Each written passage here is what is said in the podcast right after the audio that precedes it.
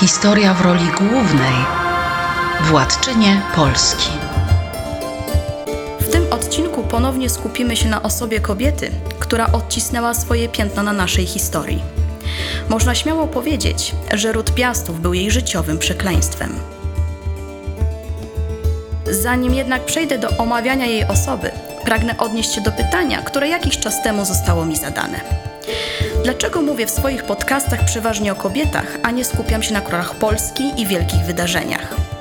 Tworzyłam ten podcast z myślą o opowiadaniu o osobach czy też wydarzeniach, o których nasza historia, a dokładniej kronikarze czy dziejopisarze postanowili milczeć. Dopiero od jakiegoś czasu historycy pochylają się nad tymi osobami, pozwalając im na nowo ujrzeć światło dzienne. O wielu rzeczach uczyliśmy się na lekcjach historii w szkole.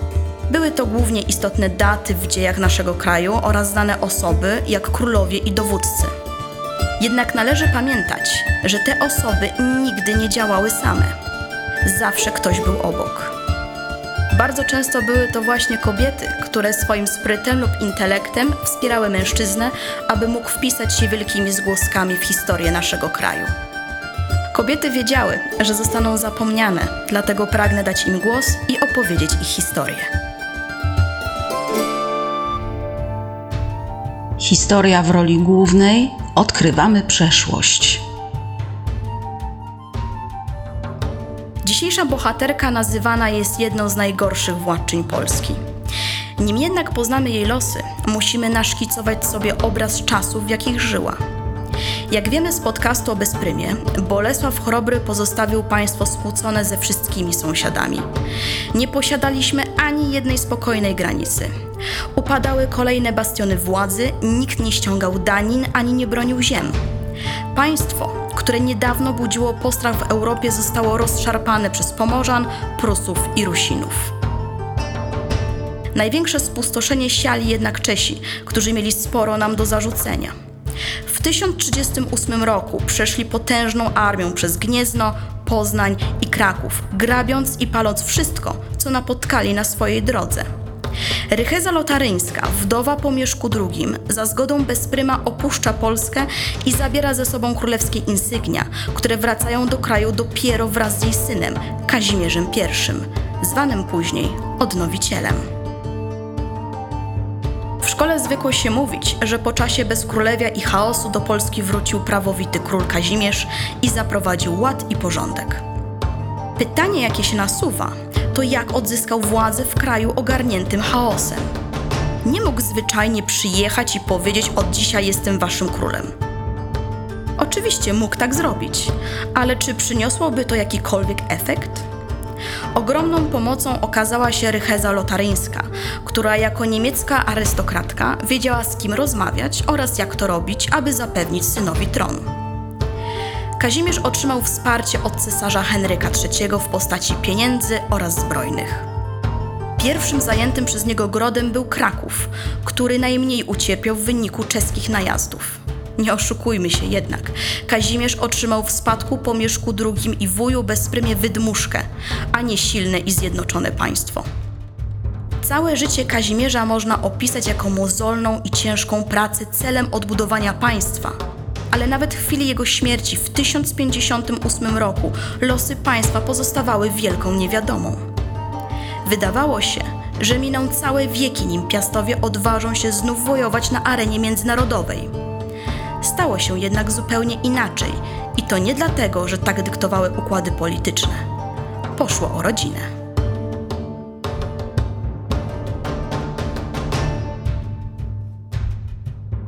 Kiedy kraj Piastów się rozpadał, na Węgrzech trzech młodych książąt musiało uciekać z kraju. Trwały tam walki o władzę, których nie powstydziłby się opisać Martin w swojej książce Gra o Tron. Trzej bracia, Andrzej, Bela i Lewente, udali się do Polski szukając azylu. Po kilku latach najstarszy i najmłodszy ruszyli dalej, do Kijowa, zapewne przeczuwając, że władza w rękach Kazimierza wymyka się, a oni nie chcieli ryzykować własnymi głowami. Co innego Bela, który miał doskonałe powody, aby pozostać w państwie polskim. O losach Beli nie decydował jednak 18-letni wtedy Kazimierz, a jego matka, królowa wdowa Rycheza. Gal Anonim pisał wprost o ambicjach królowej. To ona przejęła stery rządów i zepchnęła w cień własnego syna. Możemy śmiało zakładać, że to właśnie Rycheza namówiła Belę na przyjęcie chrześcijaństwa i zapewniła mu korzystne małżeństwo. Małżonką została siostra Kazimierza, Adelaida. Był to majstersztyk w zabiegach politycznych, który miał na celu pokazać, że warto zaciągać do służby nad Wisłą i ryzykować życiem dla polskich władców. Rycheza budowała nowy PR Piastów i robiła to rewelacyjnie.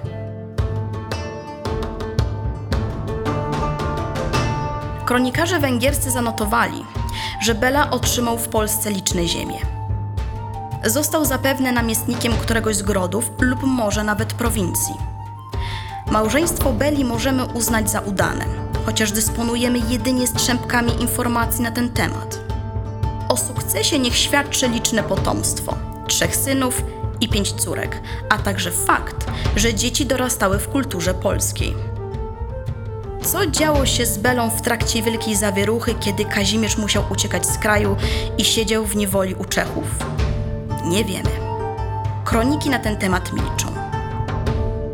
Wiadomo tylko tyle, że Bela i jego żona oraz dzieci przetrwali aż do czasu, gdy Kazimierz powtórnie powrócił do Polski.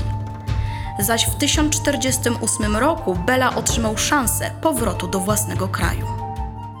Rok wcześniej po licznych zawieruchach w ręce starszego brata Beli Andrzeja trafia korona węgierska. Królewicz wygnaniec wraca do ojczyzny i sięga po władzę. Jednak życie to nie bajka, a Andrzej wiedział, że potrzebuje wsparcia, aby utrzymać na tronie kraju, które jak wcześniej Polska sypało się w posadach targane wojnami domowymi. Najmłodszy brat Lewente tego samego roku zmarł, zaś Andrzej zwrócił się do Beli. W zamian za wsparcie ofiarował bratu jedną trzecią królestwa, a po swojej śmierci tron i całe królestwo. Sprawę ułatwiał fakt, że Andrzej nie miał męskiego dziedzica. W tym momencie możecie zapytać, dlaczego pochylam się nad historią Węgier, skoro miałam mówić o kimś zupełnie innym. Historia naszego kraju jest mocno związana z Węgrami. Losy tych dwóch państw aż do czasów Jadwigi Andygaweńskiej będą się zawsze ze sobą splatać. By opowiedzieć historię najgorszej władczyni w dziejach Polski, muszę wcześniej narysować siatkę układów politycznych. Królestwo Węgier targane jest wojną z cesarstwem niemieckim do czasu śmierci cesarza Henryka III. Tron po nim przejmuje jego sześcioletni syn Henryk IV. Krajem zaś rządzi cesarzowa wdowa Agnieszka. Regentka prowadzi całkowicie odmienną politykę od męża, a w tym samym czasie Andrzejowi rodzi się syn Salomon. Bela jednak jest pewien układu i nie obawia się oszustwa ze strony brata. Ufa w swoje prawa do węgierskiego tronu. Cesarzowa Agnieszka wychodzi jednak z propozycją dla Węgier, która mogła dodać ogromnego splendoru Andrzejowi i jego synowi. Zaproponowała traktat pokojowy przypieczętowany małżeństwem Salomona z jedną z jej córek, Judytą. W ten oto sposób na arenę zmagań dyplomatycznych wkracza nam bohaterka tego podcastu. Takiego zaszczytu nie dostąpił wcześniej żaden z węgierskich władców. Nic jednak nie jest za darmo. Rzesza miała mieć zwierzchność nad Węgrami i na taki układ Andrzej poszedł od razu. Pozostawała jeszcze jedna bardzo ważna kwestia. Andrzej miał zerwać umowę z bratem. Najważniejszym warunkiem jednak było to, aby koronować syna na króla Węgier jeszcze za życia Andrzeja. Czy obecny król Węgier się wahał? Ciężko stwierdzić. Agnieszka na pewno zapewniała go o swoim wsparciu w razie potrzeby, ale przekonywała, że Bela będzie się zbytnio bał sił imperium. Możemy zakładać, że cesarzowa liczyła na rozłam pomiędzy węgierskimi przywódcami. Nie przewidziała jednego, że Bela ma w zanadrzu atutową kartę rodzinę Piastów.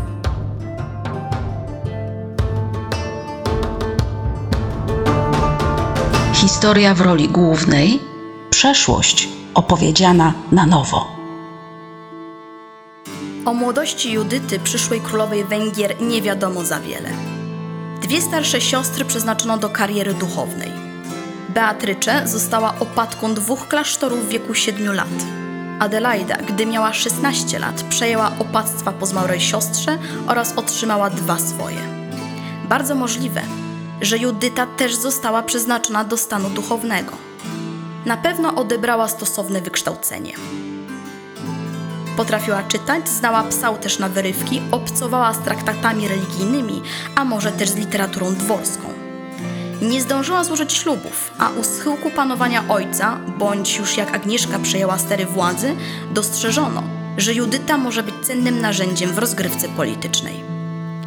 Istnieje teoria, że Judyta była zaręczona z francuskim następcą tronu Filipem I.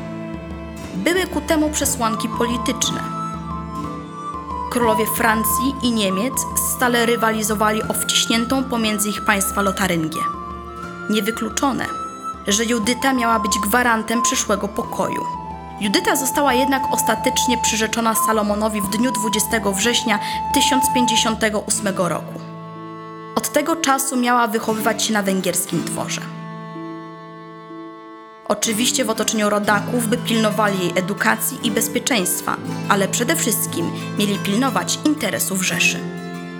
Węgry musiały zdawać się Judycie dzikim krajem, w którym każdy na dworze zdaje się być wrogo do niej nastawiony. Jeszcze były świeże wspomnienia, gdy na Węgrzech mordowano Niemców i władców.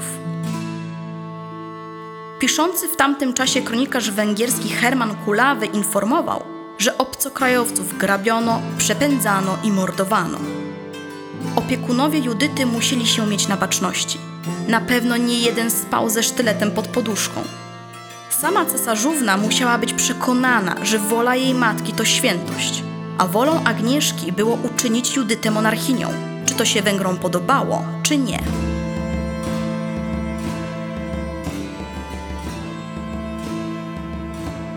Co zrobił Bela, tak okrutnie oszukany? Udawał, że akceptuje zmiany zasad dziedziczenia, po czym uciekł do Polski. Uznał, że wykorzysta przychylność kobiety, która właśnie rządziła państwem Piastów. Wdowa po Kazimierzu I odnowicielu, Maria Dobroniega. W tym momencie na szachownicę rozgrywek o ton węgierski wkracza kolejna kobieta. Ruska księżniczka z dynastii Rurykowiczów. O jej osobie stworzę osobny podcast. Teraz tylko wspomnę, że pomimo tego, że jej syn Bolesław II miał 18 lat i w świetle prawa był osobą dorosłą, to Maria Dobroniega decydowała o losach kraju i o tym, czy Bela uzyska wsparcie zbrojne. Po kilku tygodniach Bela wkracza na Węgry, a za sobą ma trzy chówce piastowskiej konnicy. Szeregi Beli zaś z każdym tygodniem się powiększają. Dołączali do niego możni, którzy nie byli zachwyceni obraniem polityki proniemieckiej. Andrzej, który przed chwilą chodził dumny jak paw, musiał błagać o pomoc Agnieszkę. Stał się pionkiem w grze, której stawką była głowa jego i jego syna.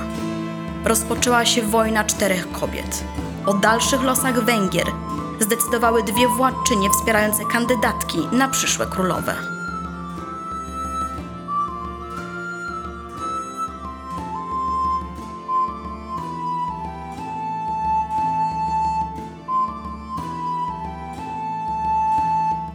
Historia w roli głównej Podróże do przeszłości. Czytając Damy Przeklęte Kamila Janickiego dowiadujemy się, że cesarzowa Agnieszka chciała mieć we władaniu Węgry, ale bez ponoszenia większych strat ze swojej strony. Dlatego też w jej imieniu miały walczyć Czechy, a ona wysłała jedynie skromne oddziały pomocnicze. Czesi jednak nie pomogli, gdyż spadł na nich nagły atak piastowskich oddziałów dowodzonych przez Bolesława II, a z drugiej strony uderzył Bela. W czasie bitwy, która trwała cały dzień, ranny Andrzej spadł z konia i został stratowany. Umarł tego samego dnia, 6 grudnia 1060 roku Bela dokonuje własnej koronacji. Nikt nie protestował. Salomon i Judyta zostali zapomnieni i wywiezieni wcześniej do Niemiec. Tego dnia Judyta mogła złorzeczyć na Piastów. Była królową niecały miesiąc i już musiała uciekać. A to nie był koniec jej zawiłych losów, na podstawie których można stworzyć scenariusz filmowy. Niedługo po tych wydarzeniach Agnieszka zostaje obalona sprytnym podstępem arcybiskupa kolonii Annona, który uprowadził cesarza Henryka IV z dworu i zmusza cesarzową do oddania regencji. Od teraz on zostaje opiekunem i wychowawcą chłopca, w praktyce władcą Rzeszy. Piastom się upiekło. Mogli kluczyć i tłumaczyć wsparcie Beli nieznajomością polityki przez Bolesława II, który mógł zasłaniać się młodym wiekiem oraz tym, że wysłał pomoc na prośbę wuja. Skąd miał wiedzieć, że ten wykorzysta ową pomoc, aby zaatakować Niemców i obalić prawowitego władcę? Sam arcybiskup nie chciał się mścić na Polakach. Musiał uważać na Węgrów. Niemcy byli zawzięci i zdeterminowani. We wrześniu 1063 roku armia niemiecka na czele z Henrykiem IV ruszyła na Węgry. Oczywiście trzynastolatek nie dowodził żołnierzami, był tylko symbolem, a to nie dla niego żołnierze mieli przelewać krew, tylko dla jego siostry Judyty, która mając wtedy 16 lat w świetle prawa była osobą dorosłą i domagała się tronu należnego jej mężowi. Teraz to Bela znajdował się w potrzasku i słał posłańców, aby grać na zwłokę. Nie mógł liczyć na pomoc Piastów, ponieważ w tym czasie Bolesław II wojował na Pomorzu i była nikła szansa, że zdąży wesprzeć ponownie wuja. Do wielkiego starcia jednak nigdy nie doszło. Istnieją dwie wersje wydarzeń. Jedna mówi, że Bela już od jakiegoś czasu ciężko chorował i umarł tuż przed bitwą. Druga twierdzi, że zawalił się pod nim tron, a ciężko ranny król umarł z powodu odniesionych ran. Było to tak korzystne dla Rzeszy, że słowo morderstwo aż się samo ciśnie na usta. Pozostali przy życiu synowie Beli uciekli z kraju, a armia poszła w pył. Niemcy wjechali w kraj Węgrów prawie bezkrwawo. Zajęli Białogród Królewski, duchową stolicę Węgier, gdzie wyprawiono huczne wesele Judycie i Salomonowi. Najwyraźniej uznano, że dziesięciolatek jest na tyle dojrzały, że sprosta małżeńskim obowiązkom i skonsumuje związek. Sama zabawa weselna stała się formą podziękowań dla Niemców, których obsypano złotem. Henryk IV uznał zaś, że należy ponownie koronować Salomona i jego świeżo poślubioną żonę Judytę. Bawarskie roczniki, a dokładniej ich twórcy, już się postarali, aby ten gest urósł do rangi ważnego wydarzenia na arenie międzynarodowej.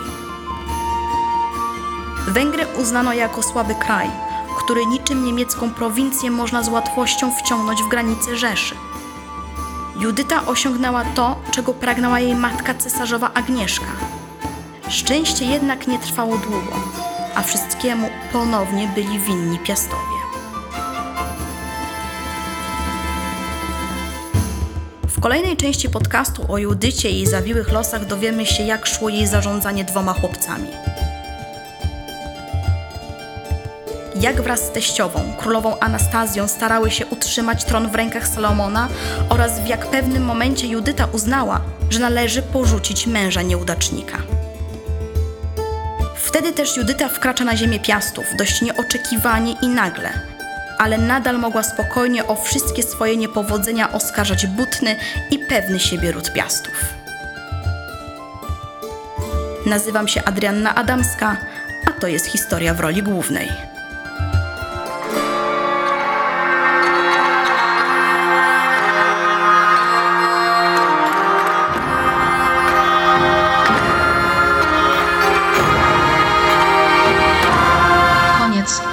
Pierwszej.